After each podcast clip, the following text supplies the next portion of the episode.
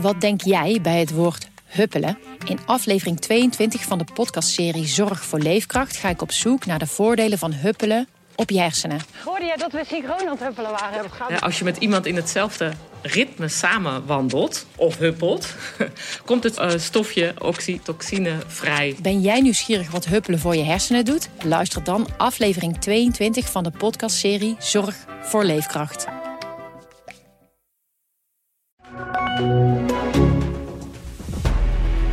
Dit is de AD Nieuws Update met Jelle Akerboom. Geen volledige lockdown, maar een avondlockdown. Dat is wat het kabinet mogelijk vanavond bekend gaat maken. We blikken vooruit op de persconferentie met politiek verslaggever Hans van Soest. Hans, het kabinet broedt op een avondlockdown door niet-essentiële gelegenheden vanaf 5 uur te sluiten. Zijn alle ministers het hier gisteren in het Katshuis al over eens geworden? Nou nee, er is nog geen besluit genomen, Jelle. Dat, dat gebeurt pas vandaag. Um, maar de afweging is dan, ook, is dan ook best moeilijk die het kabinet maakt. Kijk, Rutte zei afgelopen maandag niet voor niks van iedereen kan wel roepen van oh, we moeten hard ingrijpen. Maar houd er ook even rekening mee wat enorme gevolgen zijn voor die ingrepen. Uh, nou, voor de horeca kan iedereen zich dat indenken. Uh, Als die vanaf 6 uur dicht moeten, nou ja, dan kunnen restaurants geen, geen eters meer ontvangen. Cafés die, die, die waren nu al meer dan de helft van hun klandizie zo'n beetje kwijt. Dus dat is voor die ondernemers natuurlijk een drama. Maar dat geldt eigenlijk voor elke sector waar je het over hebt. Dus niet lichtvaardig beslissen om tot een lockdown over te gaan. En dat is ook de reden waarom dat besluit nog niet genomen is gisteravond. Want mocht er zo'n avond lockdown komen, welke gelegenheden zouden dan allemaal dicht moeten?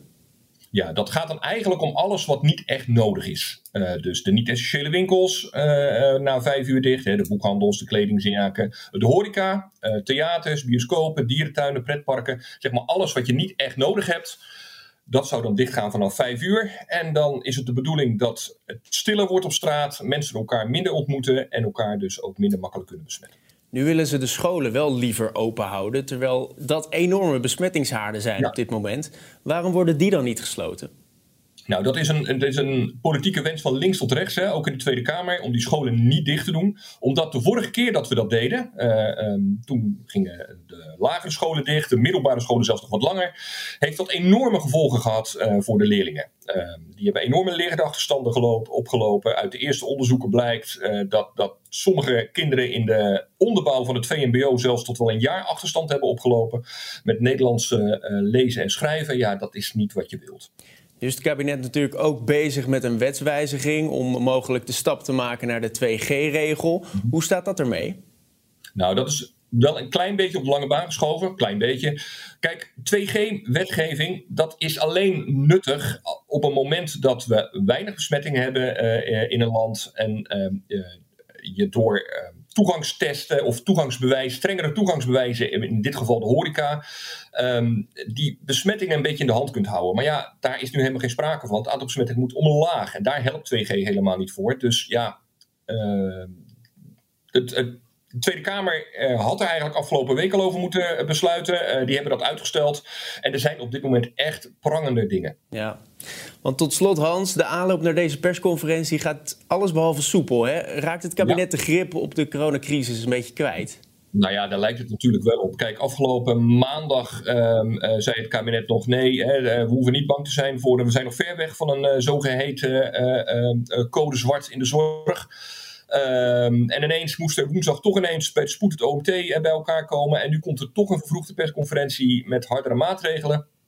Uh, ja, uh, het kabinet is het een beetje kwijt. Dat is overigens niet alleen het Nederlandse kabinet. Je ziet overal in de westerse wereld het aantal besmettingen weer oplopen. En uh, kabinetten worstelen met de vraag van... oh mijn god, wat moeten we in hemelsnaam nu weer doen? Ja. ja, het, het virus is toch onvoorspelbaarder dan iedereen dacht. Kijk, ook de, de, uh, onze deskundige, hè, Jaap van Dissel, de baas van alle deskundigen, die zei een maand geleden nog dat hij echt niet verwachtte dat er een nieuwe lockdown nodig was deze winter. Nou ja, kijk waar we staan. Ja, we gaan de persconferentie van vanavond afwachten. Dankjewel, Hans van Soest. Er zijn extra doden gevallen doordat Nederland te laat begon met de boostervaccinaties. Dat stellen experts op dit gebied. Omdat andere landen al lang waren begonnen, bungelt Nederland opnieuw onderaan de lijst. Verslaggever Marcia Nieuwenhuis, goedemorgen. Ja, waarom duurde het in Nederland zo lang voordat we aan de boosterprik zijn gegaan? Ja, wat je ziet is dat er toch echt sprake is van uh, Nederland-polderland. Uh, er zijn in Nederland verschillende overleggen geweest. En de politiek heeft ook er niet op vooruit durven lopen. Zoals bijvoorbeeld in Frankrijk of België of Duitsland. Daar heeft de politiek eigenlijk al gezegd van nou wij gaan die booster doen voordat de, zeg maar de gezondheidsraad vandaar het advies had uitgebracht. In Nederland was dat niet zo. En in Nederland zag je ook dat er een afwachtende houding was. Dus uh, de Gezondheidsraad die heeft uh, relatief laat geadviseerd, pas op 2 november, terwijl er op uh, eh, 1 september al een vergelijkbaar advies lag van de ECDC, zeg maar, dat is de Europese RIVM. Mm en in Nederland zag je dat de GGD daar ook, ook, ook op heeft gewacht. Dus die zijn pas echt in de startblokken gaan staan na 2 november. Dus ja, al die dingen die tellen bij elkaar op. En daardoor blijven we nu toch achter vergeleken bij veel andere landen. Ja, in België blijkt dat vooral verpleeghuizen baat hebben bij het geven van, uh, van die boostervaccinaties. Wat is nou het effect van zo'n prik? Nou, je ziet dat je immuunsysteem er een soort oppepper van krijgt. Dus uh, waar je vaccin met name bij oudere mensen ietsje uitwerkt uh, gedurende de tijd. Uh, en wat natuurlijk in het verpleeghuis vaak aan de orde is. Hè, daar zitten de wat oudere mensen van, van Nederland. Uh, daar zag je dat die prik een beetje uit begint te werken. En door die booster te geven, heeft die prik eigenlijk weer een, ja, een oppepper. En werkt die weer beter. En je ziet ook dat die ook een beetje de verspreiding kan voorkomen. Dus de kans dat jij iemand anders besmet, is nadat je zo'n oppepper hebt gekregen ook kleiner. Nu zien we natuurlijk wel dat de GGD in Nederland het ontzettend druk hebben, met testen onder andere. Kan de GGD zoveel prikken dan wel aan de komende tijd? Nou, dat is een goede vraag. Want uh, wat je ziet is dat er uh, toch weer heel veel personeel geworven uh, moet worden. omdat er ook niet is aangedurfd om die in dienst te houden. Of dat ze er bijvoorbeeld tegenaan liepen dat mensen drie keer een contract hadden gehad en die geen vaste baan kon krijgen. Nou, hebben ze daar nu wat op gevonden en dan mogen die toch in dienst komen. Maar je, ja, je zag toch een soort twijfelachtige houding bij, weet je wel, gaat het er wel echt komen? Terwijl. Ja, als je eigenlijk, als je om je heen kijkt, eh, in landen als Chili, Uruguay, Israël, België, daar zijn ze allemaal veel, veel verder met, uh, met de boosterprik. Nu gaan er ook nog stemmen op om eerst ook de lage lonenlanden te laten vaccineren voordat wij aan de boosterprik gaan. Wat zeggen de experts daarover?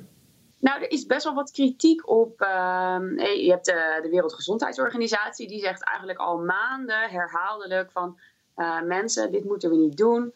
Uh, we moeten eerst zorgen dat alle landen hun eerste prik hebben gekregen. Dus ehm, bijvoorbeeld in Afrika zijn er best wel veel landen waar nog maar een heel klein deel van de bevolking uh, ingeënt is. En wat daar het nadeel aan is, is dat er dan mogelijk eerder vreemde varianten kunnen ontstaan die misschien nog wel dodelijker zijn, misschien nog wel besmettelijker zijn, omdat dat virus probeert zo om die uh, vaccins heen te gaan. Eh, dus daarom is het argument van verdeel die vaccins nou eerlijk over de wereld. maar aan de andere kant kan je natuurlijk ook zeggen, ja, de gezondheidsraad is hier in Nederland om te kijken wat voor de Nederlandse bevolking het beste is. En in andere landen, bijvoorbeeld in Israël, daar zijn ze al in de zomer begonnen met boosterprikken. Daar is het gewoon wetenschappelijk bewijs dat het ook echt voorkomt dat anderen het krijgen. Dus het, er ja. komt een soort dam door die boosterprik. Uh, dus er zijn, is ook wel kritiek op het feit dat de Gezondheidsraad in september nog zei van ja, je moet het eerlijk verdelen over de wereld. en vervolgens in november komt met een advies om het alsnog te doen. Terwijl aan die ongelijkheid in de wereld is eigenlijk niet zoveel veranderd. En wat dat er gaat, heeft Nederland dan gewoon de boosterboten gemist, moet de conclusie zijn. Dankjewel, Marcia Nieuwhuis. Het van oorsprong Amerikaanse Black Friday heeft bij ons inmiddels ook zijn plek veroverd. Zowel in winkels als online zijn grote aanbiedingen te vinden. En dat zorgt natuurlijk voor extreme drukte bij PostNL. Verslaggever Peter Boender staat in het distributiecentrum van PostNL. Peter, kunnen ze het nog een beetje bijbenen daar in Duivendrecht? De lopende band die staat vol aan. Moet uitkijken dat de pakketjes niet uit de bocht vliegen hier zo. Maar dat komt allemaal wel goed. Hoe druk is het hier, Viola Steegmans van PostNL? Het is ontzettend druk. Het is vandaag natuurlijk Black Friday. En de hele week hebben veel webwinkels al aanbiedingen voor Black Friday. Uh, vandaag is wel echt de piek in de online bestellingen. Dus uh, ja, alle hens aan dek hier uh, in onze sorteercentra. Wat de piek in cijfers, hoe druk is het dan? nou, normaal gesproken bezorgen we zo'n 1 miljoen pakketten per dag. En op de piekdagen zitten we nu op een capaciteit van 2 miljoen pakketten. Zo. En hoe lossen jullie dat op dan? nou, eigenlijk zijn we het hele jaar al aan het voorbereiden. We hebben een extra sorteercentrum geopend en een gerobotiseerd sorteercentrum speciaal voor kleine pakketjes. Ehm, nou, we werken 24-7 hier in het sorteercentrum. Uh, we zetten extra vervoer in, extra mensen om alle pakketjes op tijd bij iedereen te bezorgen. Lukt dat wel dan? Want er is een tekort aan, uh, aan, aan, chauffeurs. Nou, we moeten er wel uh, goed voor werven. Dus we hebben ook een wervingscampagne gestart om bezorgers aan te trekken. Dus ik zou zeggen, als er nog mensen kijken die, die graag aan de slag willen bij ons, ze zijn van harte welkom. Ja, precies. En zondag ook werken, hè? wat ook uitzonderlijk is. Nou, inderdaad, we werken wel vaker op zondag. we bezorgen vaker op zondag, maar dan gaat het om kleine volumes. En we hebben nu echt voor komende zondag, de zondag na Black Friday en voor Sinterklaas hebben we onze volledige bezorgcapaciteit klaarstaan om alle pakketjes bij iedereen op tijd te bezorgen. Want hoe zit het normaal gesproken? Dus 1 miljoen per dag. Eh, is het dan alleen rond Black Friday of is het het hele uh, maand november en december dat jullie druk hebben? Waar, waar zit met name die uitdaging in? We zien eigenlijk dat de volumes al uh, flink toenemen vanaf het moment dat Sinterklaas in het land is. En uh, dat gaat eigenlijk door tot aan, aan de kerstdagen. de absolute piek zit hem wel rond, rond deze Black Friday week en de week voor kerst. En kan je garanderen dan dat iedereen zijn pakketje op tijd gaat krijgen?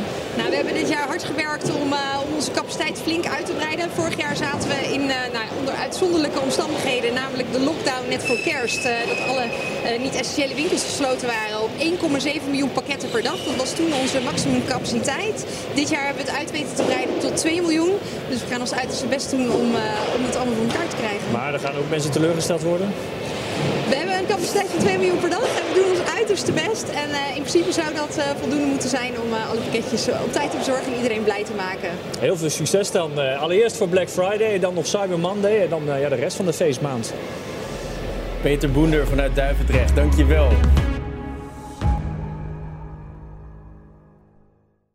Loop jij rond met het gouden business idee? Of het nu een winkel is, een app of een product waarmee je de wereld wil veroveren?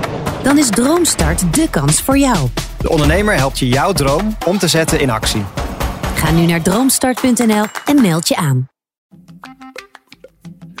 Wat denk jij bij het woord huppelen? In aflevering 22 van de podcastserie Zorg voor Leefkracht ga ik op zoek naar de voordelen van huppelen op je hersenen. Hoorde je dat we synchroon aan het huppelen waren? Ja, als je met iemand in hetzelfde ritme samen wandelt of huppelt, komt het uh, stofje oxytocine vrij. Ben jij nieuwsgierig wat huppelen voor je hersenen doet? Luister dan aflevering 22 van de podcastserie Zorg voor Leefkracht.